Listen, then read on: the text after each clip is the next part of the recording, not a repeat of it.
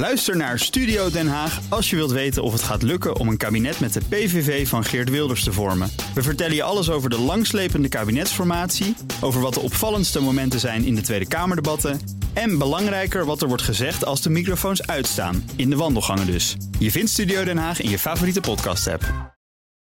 De column van Jaap Jansen. Tijdens de vorige grote crisis, de kredietcrisis van 2008, hoorde je alom geklaagd dat Europa zich te veel met van alles bemoeide. Met die euro kan het trouwens nooit meer wat worden, en dat hadden we altijd al gezegd, klonk het op de flanken. Ook verantwoordelijke politici werden aangestoken door het populismevirus.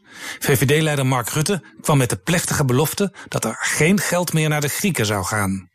Dat geld kwam er uiteindelijk toch en de euro krabbelde weer op. Europese bankpresident Mario Draghi had precies de juiste toon te pakken met de belofte dat hij alles zou doen, whatever it takes, om de munt te redden. Nu we in een gezondheidscrisis zitten met acute economische en financiële gevolgen, blijkt het opgetuigde reddingsstelsel voldoende vertrouwen te geven om te voorkomen dat het systeem totaal ineenstort. De reële economie staat er nog steeds goed voor, zeggen economen. Als we nu zorgen dat er voldoende overbruggingsgeld is, kan die straks snel weer opkrabbelen. Toch heeft Europa de les van de vorige crisis nog onvoldoende geleerd. Als konijnen kijkend in de koplampen springen de regeringsleiders alle kanten op.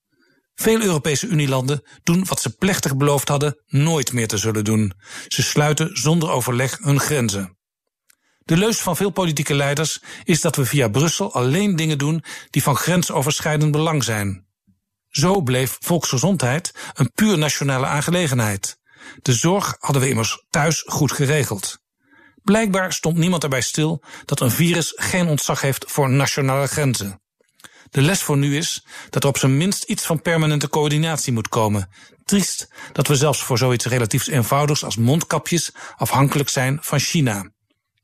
Deze crisis bewijst dat grote uitdagingen in deze technologisch hoogontwikkelde wereld, waar iedereen met elkaar in contact staat, niet meer puur nationaal kunnen worden aangepakt.